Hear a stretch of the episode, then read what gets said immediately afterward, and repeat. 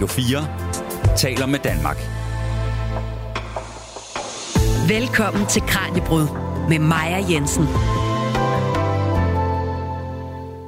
Jeg ville ønske, du aldrig var kommet, så natten heller aldrig var gået. Og jeg ville ønske, du ikke var blevet, så morgenen heller aldrig var kommet. Jeg ville ønske, det aldrig blev sommer, så sommeren altid var på vej. Sådan lyder digtet på, Isra- på Israels plads, der er skrevet af Henrik Nordbrandt. Anna, hvorfor eller hvordan beskriver det her digt begær, synes du? Og den er så smuk. og jeg har læst det og, øh, så mange gange, og det er alligevel, den rammer mig hver gang. Det er så utroligt. Det. Og hvordan beskriver den? Øh, jeg synes, den her sidste vers, hvor den siger, altid på vej. Og det er, det begær kan, det er, at den, øh, den, den tillader os at kigge på fremtiden med en eller anden form for håb, men det er også en eller anden energi til fremtiden, hvor vi kigger på fremtiden med en form for energi. Det er en vilje i det. Og så det er også et eller andet, der er blandet her, som er, vi kan fornemme en nydelse, som, som ikke er haft, men som er ønsket. Og i den, når vi ønsker en nydelse, vi har en form for, øhm, vi nyder allerede, men vi også lider. Og det er det, begær også har. Det er en form for nydelse og lidelse samtidig. Og det kan vi mærke. Og så mærker vi også det, at tiden, altså en forhold mellem tiden og begær, øh, og hvordan um, Henrik Nordbrand faktisk rammer så det her tragiske i vores tilværelse er alt, også det mest skønne um, hos viner. Hmm. Så vi vil gerne beholde, eller det er andet at være i det, at være i det øjeblik, hvor vi kan stadigvæk mærke at være i live. Og begær har meget at gøre med det her, mærke at være i live. Ja, hvad er begær? Begær er det, der gør, at du er dig. Simpelthen. Og det er altså begæret, vi dykker ned i i dagens program, når vi søger mod både psykoanalysen og filosofien for at finde svar. Mit navn er Maja Jensen. Velkommen til Kranjebrud. Du lytter til Radio 4. Og så vil jeg gerne byde velkommen til dig, Anna Maria Munar. Tak. Anna er lektor på Institut for Business, Humaniora og Jura på Copenhagen Business School, og hendes forskning, der bruger hun filosofien til at undersøge køn og højere uddannelse og turisme, og så arbejder hun også på en bog om begær. Og Anna, inden vi kaster os over begæren, hvorfor valgte du at skrive en bog om begær? Det var, fordi jeg faktisk har prøvet at forstå begær i mange år. Og jeg læste, og jeg læste, og læste. Jeg vil sige faktisk, at jeg læste intensivt på begær og um, måske i seks år. Og mit problem var, at jeg kunne ikke finde den bog, som jeg vil gerne læse. så jeg tænkte, jeg er nødt til at skrive det selv. Så det var meget den der med, at jeg, jeg har skrevet øh, den bog, som jeg har ønsket, jeg kunne finde for seks år siden. Ja. Når jeg stillede det spørgsmål, hvad det er, begær er. Ja. Hvorfor er det vigtigt at blive klogere på begæret? Det er jo flere ting, man kan sige her, men en, den ene er, at jeg har en har altid haft en fornemmelse af den måde, man taler om begær på i populærkultur og generelt i fjernsyn og tv, og også når vi ser altså med hinanden, uh, at det land, der mangler den samtaler. Og det er noget ret uh, generelt og meget vigtigt, der faktisk der mangler. Og det er fordi, man taler meget begær i forhold til det seksuelle, mm. eller seksualitet. Den er for seksualiseret, hvis man vil sige det. Hvor jeg har en forståelse af begær, som er mere eksistentielt, som går mere ud på, at uh, det er vildelivet. Det, der gør, hvad er forskel? Hvorfor vågner vi om morgenen, og vi tænker, jeg vil noget i dag? Hvorfor bliver vi bare ikke i sengen? Altså, hvad er det, der gør, at du faktisk står op og vil noget? Mm. Og det ville noget har noget med begær at gøre. Og det var det, som jeg tænker, vi mangler simpelthen den samtale. Og på den anden side, så er jeg også en form for industri, og også en, uh, en marked, som solgte det her idé med, at vi skulle, ikke, vi skulle faktisk erobre vores begær og kontrollere vores begær, og begær var noget dårligt. Fordi begæret var det, der gjorde, at vi lide, altså, lidelsen kom i vores liv. Og det var jeg også meget modstander af. Det var en eller anden fornemmelse med, at det her måske er meget godt, det ser meget godt ud på overfladen, men det er et eller andet, der er helt forkert i det her forståelse af, hvad livet er. At vi skal faktisk være fri fra lidelsen på den måde. Hmm. Hvad vil det så sige? Så det var på en måde en uro, hvis man kunne kalde det, det en form for uro. Uh, at jeg kunne simpelthen ikke være i det, den måde, begær blev talt om og forstået på i vores øh, nuværende samfund. Nej, og som du fortæller her, Anna, så er kærligheden, eller så er begæren, den form for begær, vi taler om i dag, den er meget mere end, end kærlighed og seksualitet. Og alligevel så er det altså der, vi kommer til at starte i dag, Anna, nemlig med kærligheden. For det er nu engang det, som de fleste forbinder begæret med.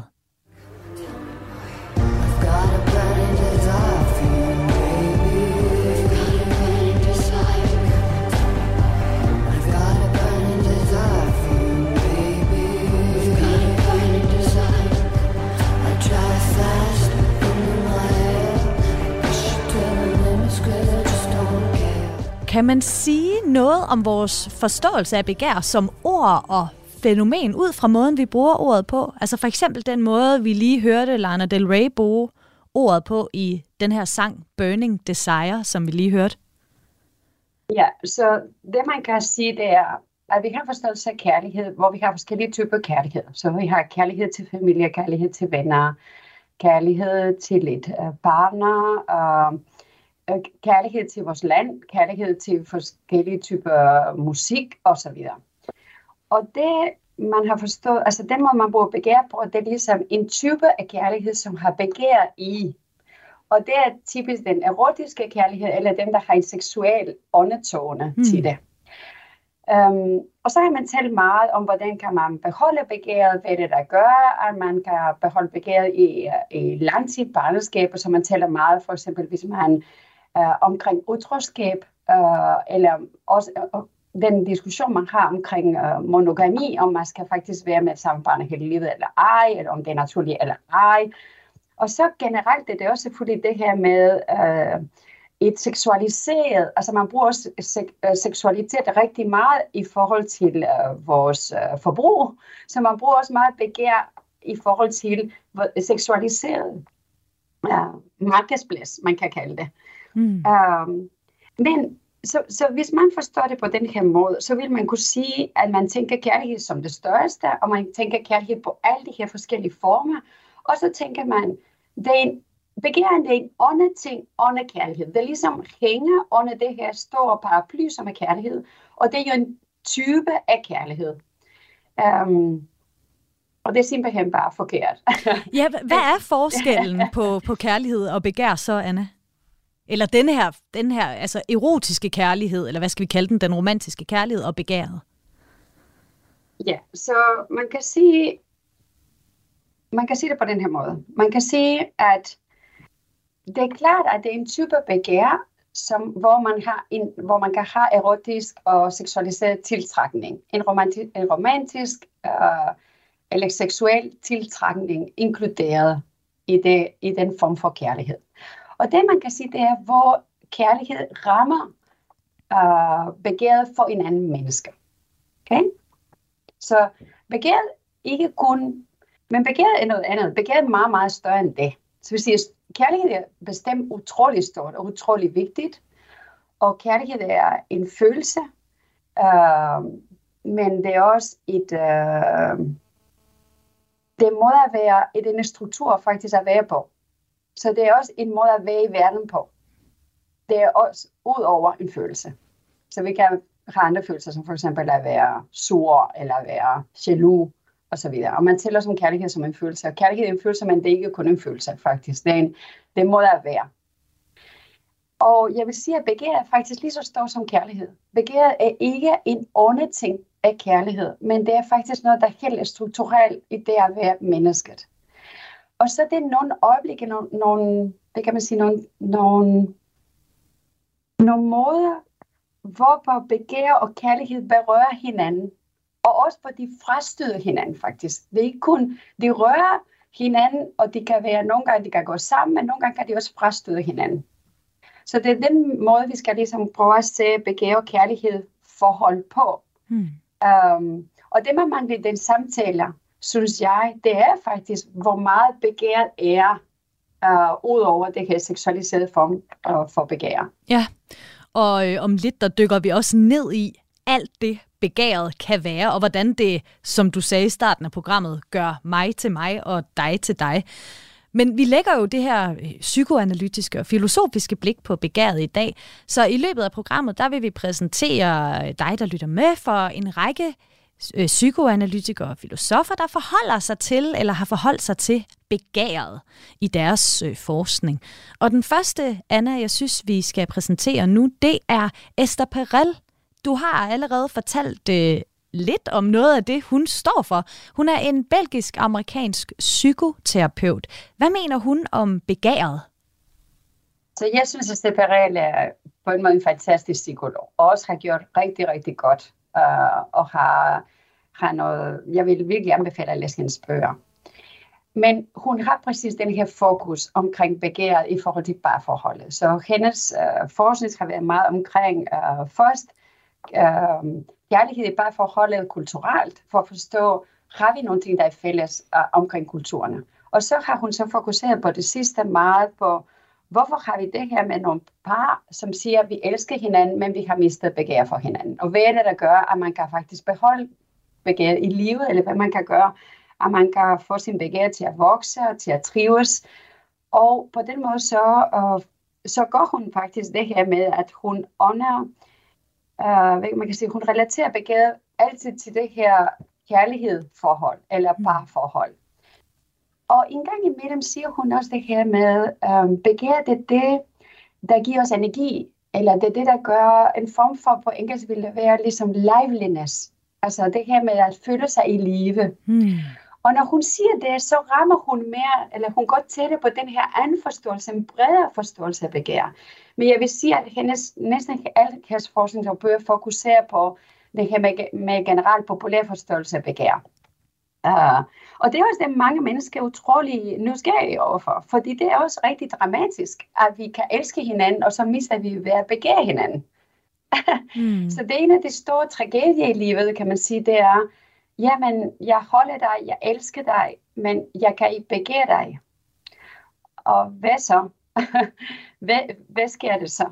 Og det modsatte, det kan også være med, at jeg begærer dig, men jeg kan ikke elske dig. Og ja. det er også en, ja. Så man kan godt forstå, hvorfor det ville også være meget vigtigt at gå ind i det. Og det er det, hun gør. Og det er det, jeg vil sige, også er kernen i meget af det, vi har i populærkultur, i film og i mm. musik mm. osv. Men, men en anden måde, vi ofte taler om begæret på, udover øh, den her kobling mellem, at vi gerne vil være i en øh, kærlighedsrelation, en romantisk kærlighedsrelation, hvor der er begær med, øh, at det ligesom er det ideal, vi har sat for vores romantiske forhold, så er en anden tendens jo også, at, at øh, nogen mener, at vi skal forsøge at tøjle vores begær, eller måske lige frem slå det ihjel, og så er det sådan en form for farligt begær. Hvor stammer den idé fra, Anna? Så den idé stammer fra, fra følelse faktisk. Hvad kan man sige? Den er rigtig, rigtig gammel, og mm. den, er, den kommer allerede fra den klassiske filosofi, og vi har det i The Stoics, uh, som folk med, som Seneca, Marcus Aurelius osv. Altså stoikerne, så den er, ja. Stoikerne, ja. ja. Og det, det vil sige, den klassisk forståelse, og så har vi også det jo i det veste, vestlige tradition, og så har vi det også i det østlige tradition, for eksempel i det, vi kalder buddhisme eller zen-buddhisme, hvor man også taler omkring øh, følelser, og hvad gør man så med følelserne. Og man, man forstår, at begær har noget med følelserne at gøre. Et eller andet med det, at vi, vi, vi føler forskellige ting, har noget at gøre med, at vi begærer forskellige ting. Og følelse øh, relaterer, altså i, i det her traditioner relateres til lidelse. Det siger, vi, vi kommer, vi er mennesker i verden, og vi lider. Og hvad det, der gør, at vi kan gå igennem livet uden at lide? Så nogle af de her traditioner har at gøre med, at altså deres anbefaling er meget praktisk for en måde. Det er, det er en form for um, det, det, det er en form for uh, instruktion. Eller hvordan kan man, man vil sige, hvad er det, du kan gøre, så du mm. kan have et godt liv. Yeah. Altså, det er så meget praktisk. Og det, det vil anbefale, det er, at du skal have distance til dine egne følelser. Og det vil sige, at du skal se dem udefra, men også du skal kontrollere din begær. For din, det, er dem, det er din begær, der gør, at du lider. Hvis du ikke begærer ting, så lider du ikke længere. Og, og så på den her måde får man det her meta uh, øh, forståelse af, hvad, hvad det vil sige at være et menneske. Og den her ideal, det er en ideal, hvor man skal så um, prøve at få den her distance til sig selv og distance til verden, sin afstand, afstand til verden, afstand til sig selv. Um, og i det her afstand skal man have den her øh, måde at være på, som er meget mere neutral, hvor man ikke føler så meget, mm. hvor man kan have en mere, og det er også, man kunne også, også kalde, det, kalde det en lille mere rationel forståelse af, hvad er det nu tingene, de ting, du oplever og så videre. Ja. Um, og det er blevet meget populært, og, det, og, og jeg tror, det har noget at gøre med, at vi elsker kontrol i vores liv. Desværre. Altså, jeg synes at traditioner har noget, der er meget, meget smuk. Og det er nogle, nogle ting i det her traditioner, som er virkelig værdifulde. Ja. Uh, men samtidig synes jeg også, at det her, det rammer mere, det må vi bruge det på lige nu. Det har noget at gøre med disciplin og kontrol. Og det er, vi lider, men bare hvis vi har den rigtige disciplin og kontrol. Og det går sammen med også vores uh, forståelse af, at vi kan faktisk, altså som individer, vi er ansvarlige for, det, for vores held eller vores liv. Um, vi vil ikke acceptere det tragiske i livet, så vi prøver at kontrollere det. Og i måde at kontrollere det på, det er det her teknikker. Ja. Så sådan, det er nogle filosofier og så nogle tankemåder, som giver os nogle teknikker til at kontrollere følelser. Hmm.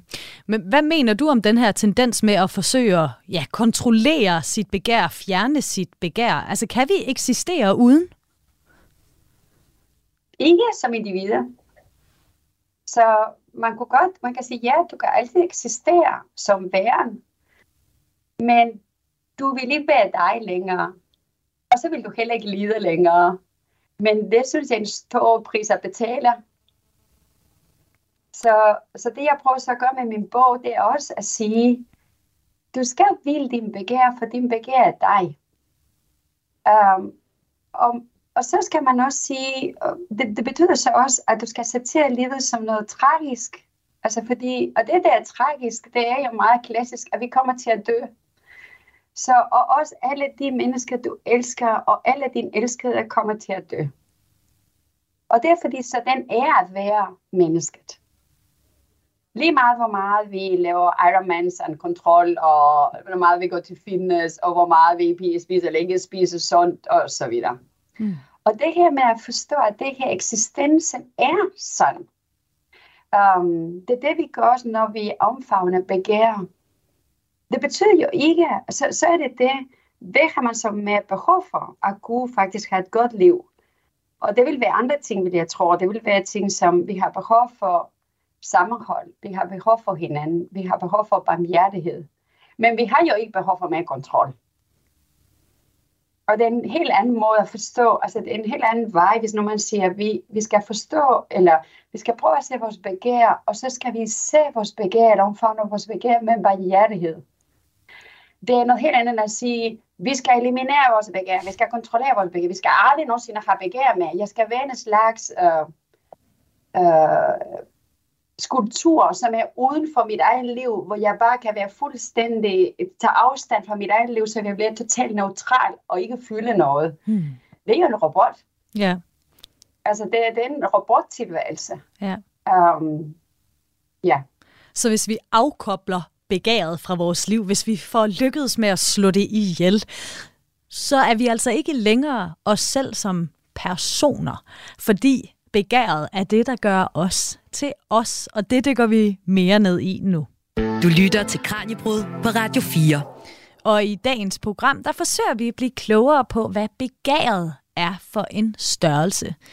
Anna Maria Muna, der er lektor på Copenhagen Business School, er min gæst i dag, og hun ved en masse om begær. Hun har skrevet en hel bog om emnet faktisk. Og Anna, vi har allerede haft en, en, øh, en psykoanalytiker på, på banen, eller en psykoterapeut på banen her i programmet, og nu er det blevet tid til at præsentere ham, som er en af hovedfigurerne, når det kommer til de her teorier om begær, det er den franske psykoanalytiker Jacques Lacan, der levede fra 1901 til 1981. Og han beskrev kernestrukturen af begæret som forholdet mellem tre elementer. Behov, krav og så noget ekstra. Det kunne for eksempel være, være kærligheden, og han beskrev begær som det, der så er tilbage, når behovet er trukket fra kravet. Kan du prøve at forklare det for mig og lytteren, Anna? Ja, jeg kan prøve. Det siger noget om Lacan, hvor svært Lacan er. Ja. Men jeg vil også sige, hvor fantastisk det er. Altså Lacans og hans uh, tanke stadigvæk, synes jeg er virkelig noget af det er uh, vigtigste, vi har fået i forhold til begærforståelser. Så for ham, altså det han fortæller der, når du bliver født som lille baby, du, har, uh, du bliver født, uh, på en måde bliver vi født for tidligt. Altså vi er en væren i, i verden, som er meget mangelfuld, når vi bliver født. Så vi har rigtig, rigtig mange behov. Så vi har behov for nogen, der giver os varme og mad og passer på os osv. Ellers vil vi ikke overleve. Og det har vi i lang tid, når vi kigger på andre dyr i verden. Så vi, vi kan se, at mennesket er en mærkelig dyr, der bliver født med de her meget, meget store krav til at starte med. Og den her øh, biologi og materialitet, som vi er, betyder så, at vi starter på den her måde at kræve, at kræve noget af, af, af dem, der passer på os. Og det kan være vores forældre eller andre, der er simpelthen de vigtigste personer, der vil passe på os som baby. Um, så hvis nu vi forestiller os moren øh, generelt som den her person, der vil passe på en baby, så vil babyen kræve noget af moren. Og moren vil opleve det her som et, um, et krav.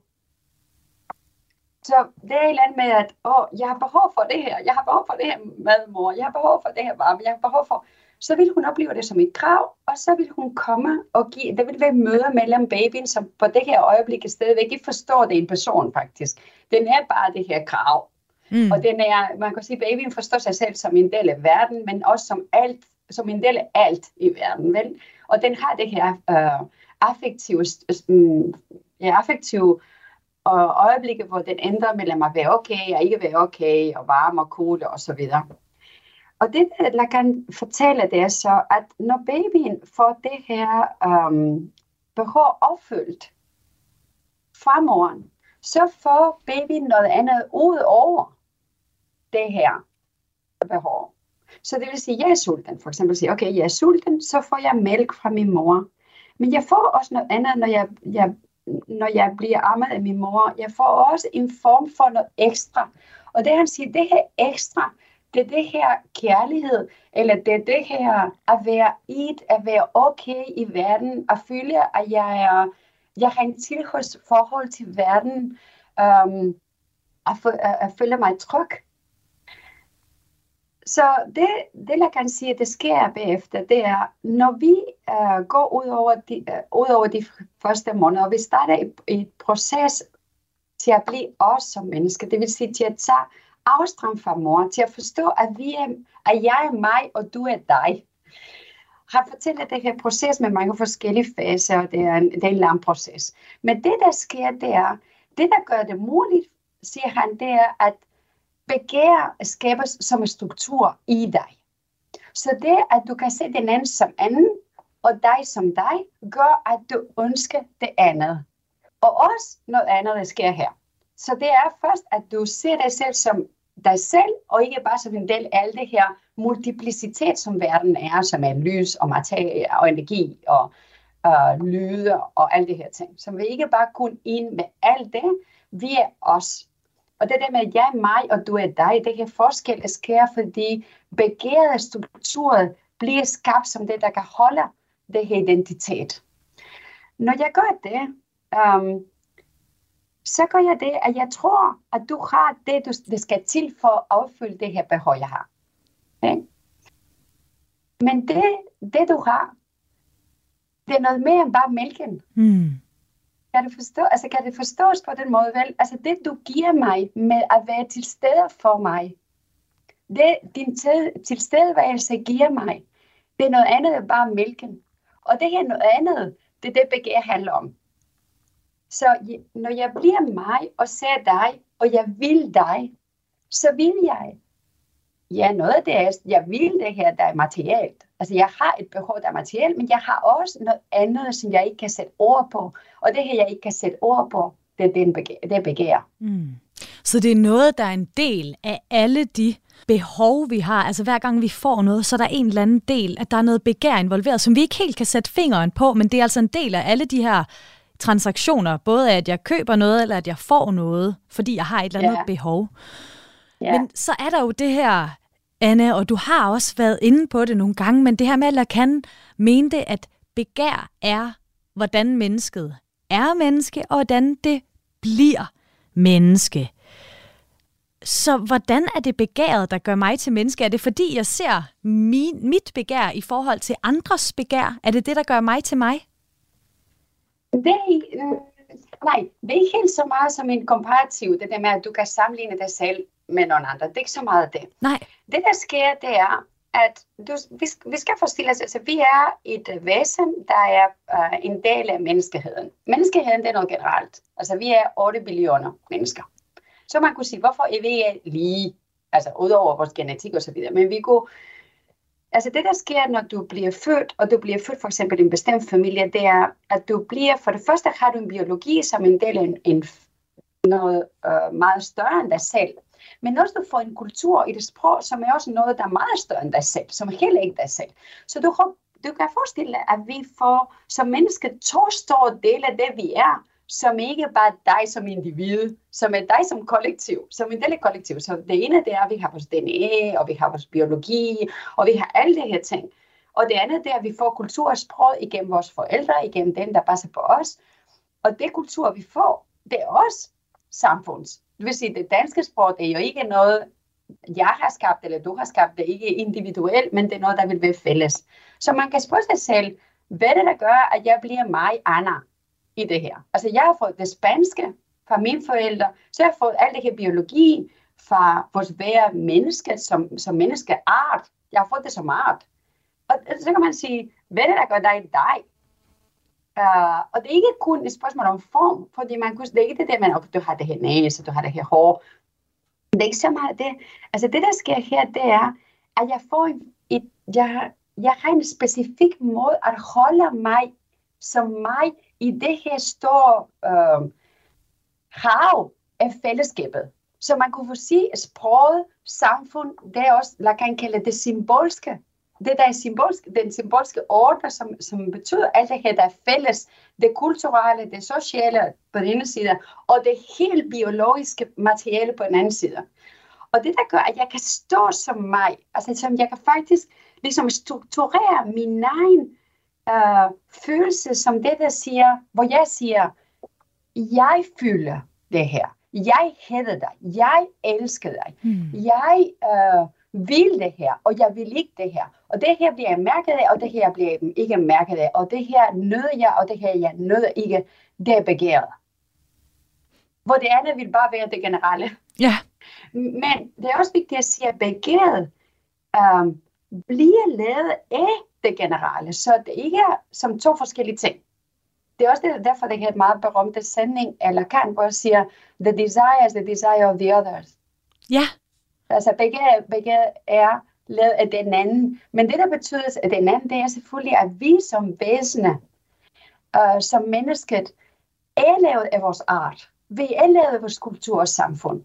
Men så er det fra det andet, at man får den her form for strukturel forståelse af individet, af det, der er singulær, det, der er dig i dig.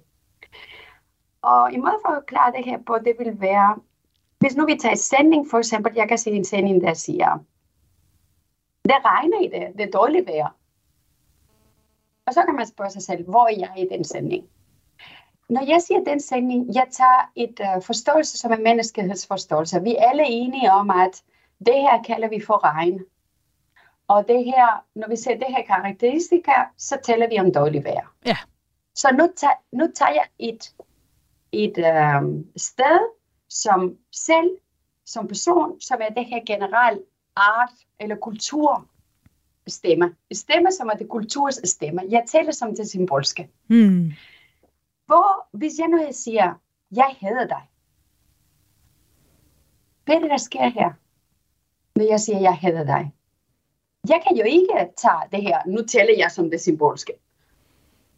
Det jeg siger er, jeg føler noget helt personligt i mig, som nogle gange kan være uforklarligt, der gør, at jeg har nogle bestemte fornemmelser og også en bestemt, øh, nogle bestemte tanker omkring dig, der er helt personlige.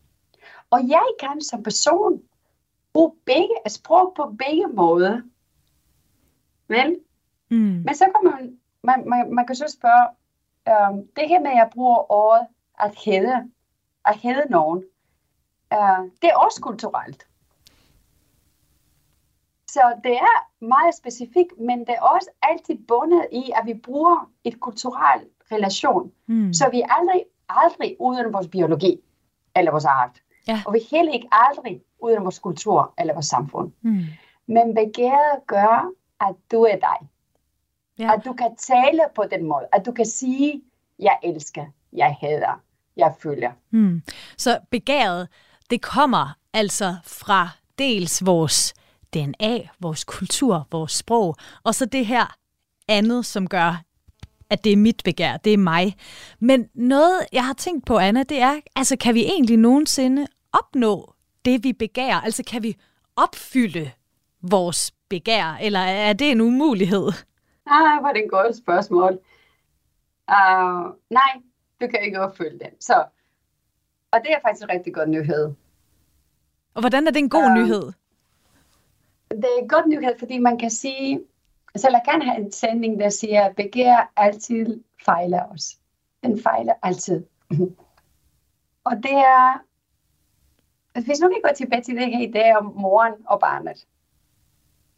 Uh, og det er det samme, man kan sige med forhold til elskere. Altså, man kan sige, jeg går efter dig, og vil gerne have dig. Men hvordan kan du have noget, som er så stort? du kan aldrig have den anden fuld, altså, du kan aldrig have fuldkommenhed i en anden. Mm. Uh, fordi den er, og det er det, der er så smuk. Altså, nogle gange tænker jeg på, at begæret dræbes, når vi tror på, at vi har den anden. Altså, mange for eksempel Sted Perel siger, at begæret dræbes, når man ikke har afstand. Altså, begæret er som en flamme, som faktisk vokser med afstand. Men jeg tror, det er, en, det er en forkert forståelse. Fordi du kan være meget tæt på andre mennesker i dit liv. For eksempel dine børn, dine øh, partner, øh, venner. Men det, der gør, at begæret stadigvæk er i livet, det er, at du forstår, at den anden er, um, det er så stort som et univers. Den anden er i verden. Så hvordan kunne du aldrig nogensinde få en verden? Så det er ikke så meget, at du får den, altså, det er ikke så meget at forstå den anden som en objekt. Og så har du den anden på afstand. Og så fordi den anden er utilnærmelig og sådan distant, og så kan begæret vokse. Selvfølgelig kan den vokse på den måde, kan man sige. Det er jo en måde at gøre det på. Men, men i princippet, du kan have begær på alt, fordi når man forstår den rigdom, der er i verden, uh, og hvordan vi aldrig nogensinde kommer til at have mm. det, vi ønsker, så kan du altid have begæret. Og det kan være det samme i forhold til kærlighed til en kunstform. Og det skal du nogensinde kunne have musik mm. som kunstform. Det, det, det er ikke noget ende på det her. Og det er det, når man forstår, at det ikke er noget andet, der gør, at du kan altid få begæret. Og man kan se det samme, hvis man kigger på en baby, og man tænker på, hvor, hvorfor vil man det barn? Hvorfor vil... Fordi begæret er ikke kun det seksuelle. Overhovedet ikke. Det handler meget om, hvad er det, der tiltrækker mig? Hvad er det, der kalder mig? Og hvorfor har jeg en bevægelse til øh, det andet? Det er noget, der kommer til mig, men det er også noget, jeg går til. Så jeg kan begære sommeren.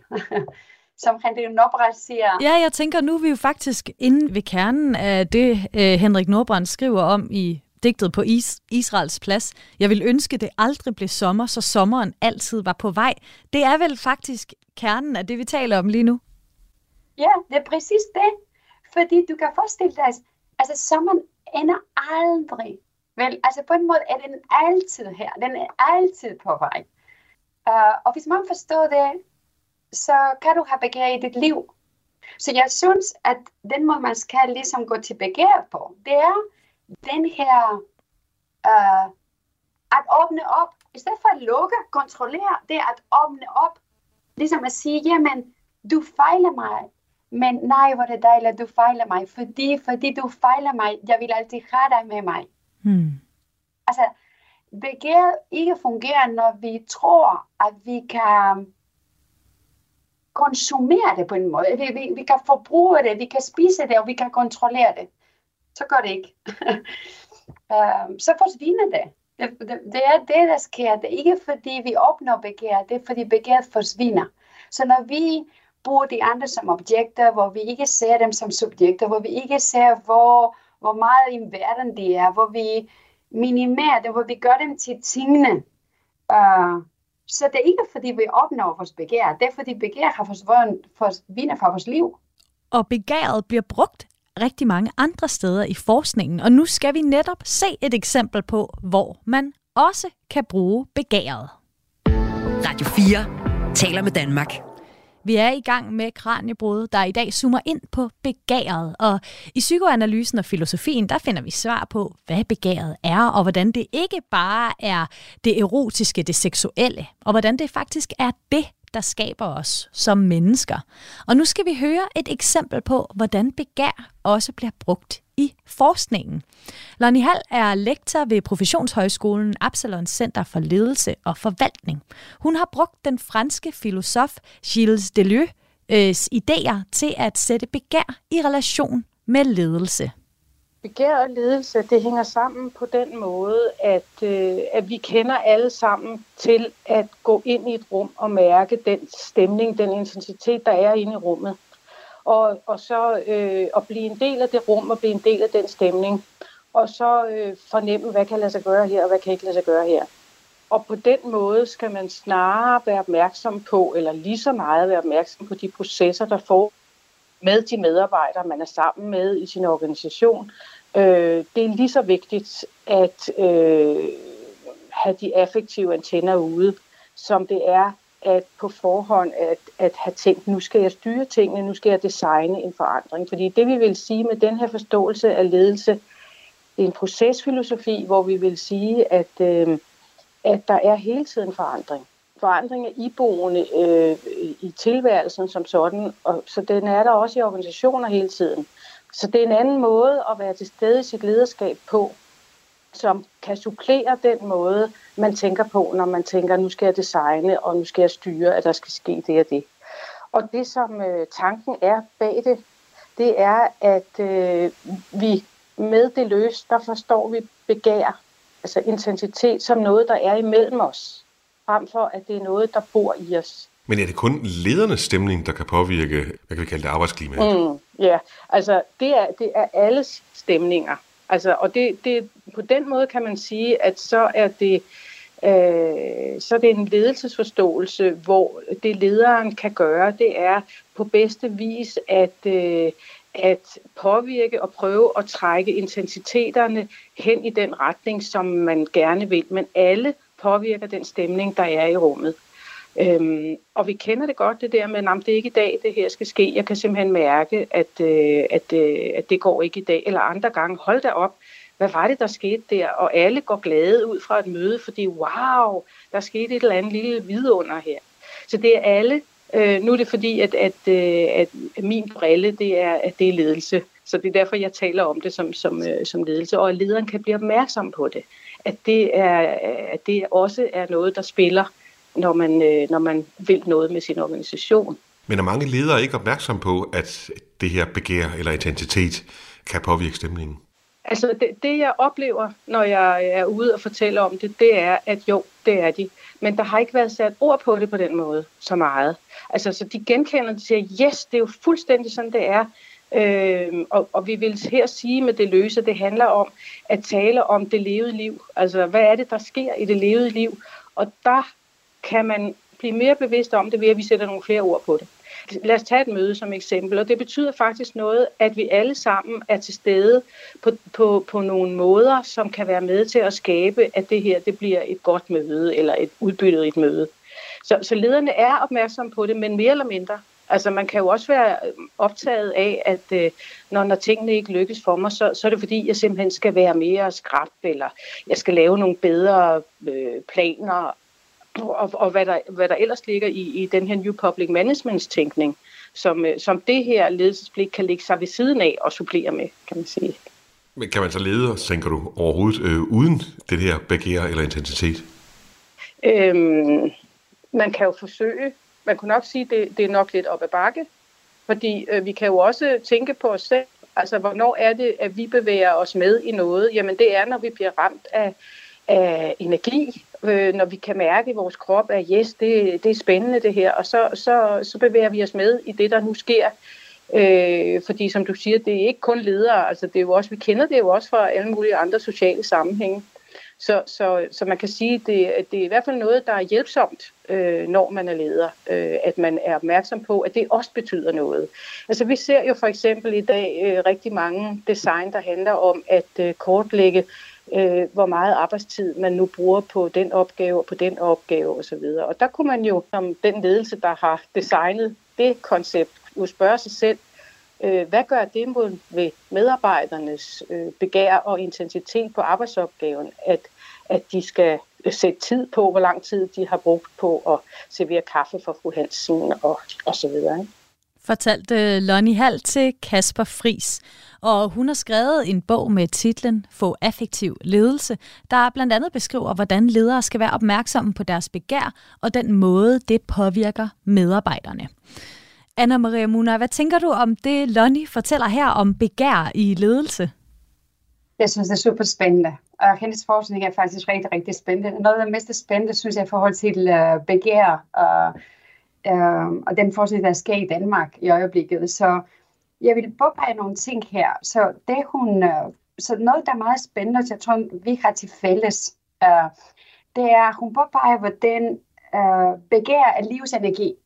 Så her, her vi går også ud af den der med begær, det kun det seksuelle, erotiske. Altså hun har en meget, meget bredere forståelse af hvad, og hun taler om intensitet, hun taler om det relationale, hun taler om stemninger, Um, det, der er forskel mellem uh, Deleuze, som er den filosof, som har inspireret Lonnie og Lacan, det er, at man kan sige, at Deleuze har meget uh, fokus på det relationelle, det der sker ude, udenfor.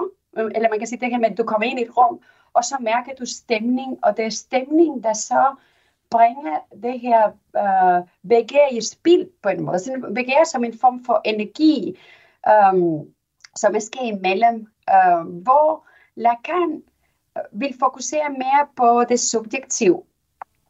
Øh, og så sige, det, det, i det strukturelle, i det subjektive begæret, er først og fremmest vigtigt. Og det er det, der gør, at du som menneske så bliver ramt på en bestemt måde af nogle ting, og ikke andre. Hmm. Så det er lidt, de har meget til fælles, vil jeg sige, men man regner med.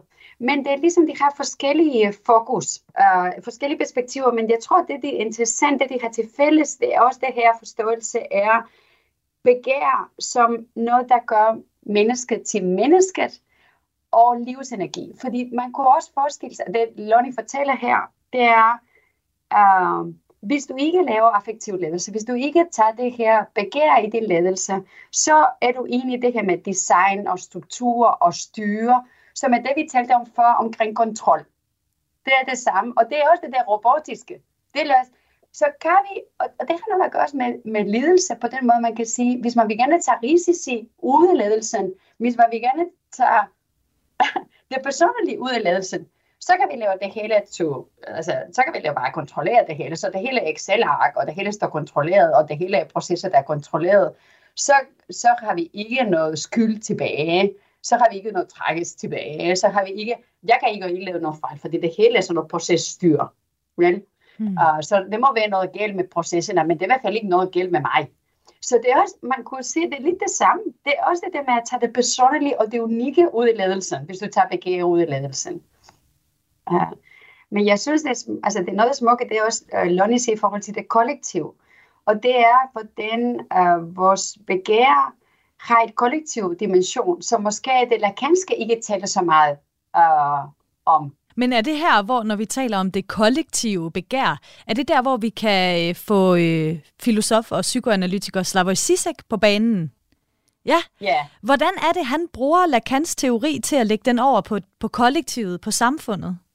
Slavoj Zizek, hvad han gør, det er at tage forståelse af mennesket til forståelse af samfund. Så det er jo klart, at hvis man har en, for, for en anden type ontologi, en anden forståelse af, hvad det vil sige at være mennesket, så vil man også umiddelbart have en forståelse af, hvad vil det sige, menneskeheden er. Hvad er vi så meget? Så det han gør, det er at sige, okay, Lacan giver os en forståelse, hvad vil det sige at være mennesket? Og så tager han det her forståelse, og så tager han det på samfundsniveau. Så han fortæller os om, hvordan, øhm, hvordan kan vi forklare det her? Det bedste måde at forklare det på, tror jeg, vil være at sige, i mange århundreder har vi prøvet at forstå samfundet som den, en udvikling af den rationelle menneske. Så vi har forstået mennesket som, noget, som et art, som er genkendeligt, fordi den er rationelt. Og så har vi sagt, at mennesket øh, øh, agerer rationelt i samfund og vil øh, tage beslutninger rationelt. Og derfor har vi en form for øh, samfund, som er struktureret øh, også politisk og økonomisk i forhold til det her rationalitet. Psykoanalyse har en helt anden forståelse af, hvad mennesket er. Altså, mennesket er mislykket dyr. det er ligesom at sige, vi, vi, var, vi var dyr, og vi, vi var helt okay som dyr, men vi fik sproget. Vi fik tænkning. Og i stedet for at være den år, hvor det er fantastisk, at du lige pludselig har fået tænkning, det er et dyr, der kommer til at lide, for den her fortænkning. tænkning. Det er den lidende dyr, og det er den tragiske dyr, og det er den dyr, som øh, som vi er som mennesker, som faktisk misforstår, misforstår sig selv hele tiden. Og det, uh, Sisek siger, det er, hvis vi har det forståelse, hvad mennesket her er, hvordan er det så samfund? Så vil samfundet være meget mere øh, regeret og vil agere uh, kollektivt på følelsesniveau. Så det vil være meget mere begæret og følelser og det irrationelle, der vil være øhm, udtrykket af menneskeheden, og også det, vi vil sige, og det er det, vi ser også i forhold til krig, i forhold til had, i forhold til øh, massakre, i forhold til kærlighed til symbolske ting, mm. kærlighed til land og flag, og ja, som er faktisk symbolske ting. Mm. Det er ting, som faktisk findes kun historisk. Um, og hvorfor dør man for de her ting, hvorfor dræber man for de her ting? Og det er også den, den måde, man kan forklare noget er, hvorfor bliver folk ved med at stemme på en person som Trump for eksempel, eller Reagan, som vi ved begge, i begge tilfælde, de var de løg. Og folk ved præcis, at de løg på mange forskellige måder. Mm.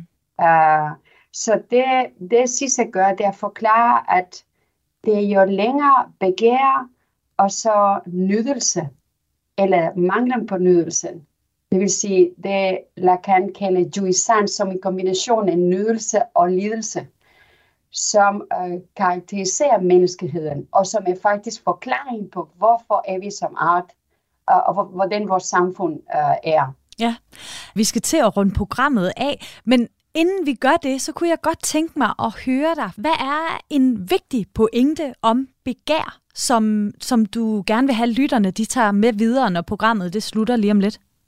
Jeg vil invitere lytteren til at kende din begær. Elsk din begær. Og så være barmhjertig. Forstå, at vi er en del af det her art, som faktisk misforstår sig selv. Som er ærefølelse. Som skal dø. Men alligevel er værd. Rejsen er værd. Og den her menneskerejse er en rejse, hvor det vil være lidelse, men det vil også være kærlighed, og det vil også være intensitet, og det vil også være at mærke livet. Så mærk livet, mærk din begær, ikke være bange. mm. Og så har et stort del af barmhjertighed for dig og andre. Ja. Og med det, så skal vi altså til at runde dagens program af. Jeg har haft besøg af Anna Maria Muner, lektor på Institut for Business, Humaniora og Jura på Copenhagen Business School. Mange tak, fordi du havde lyst til at være med i dag, Anna. Tak.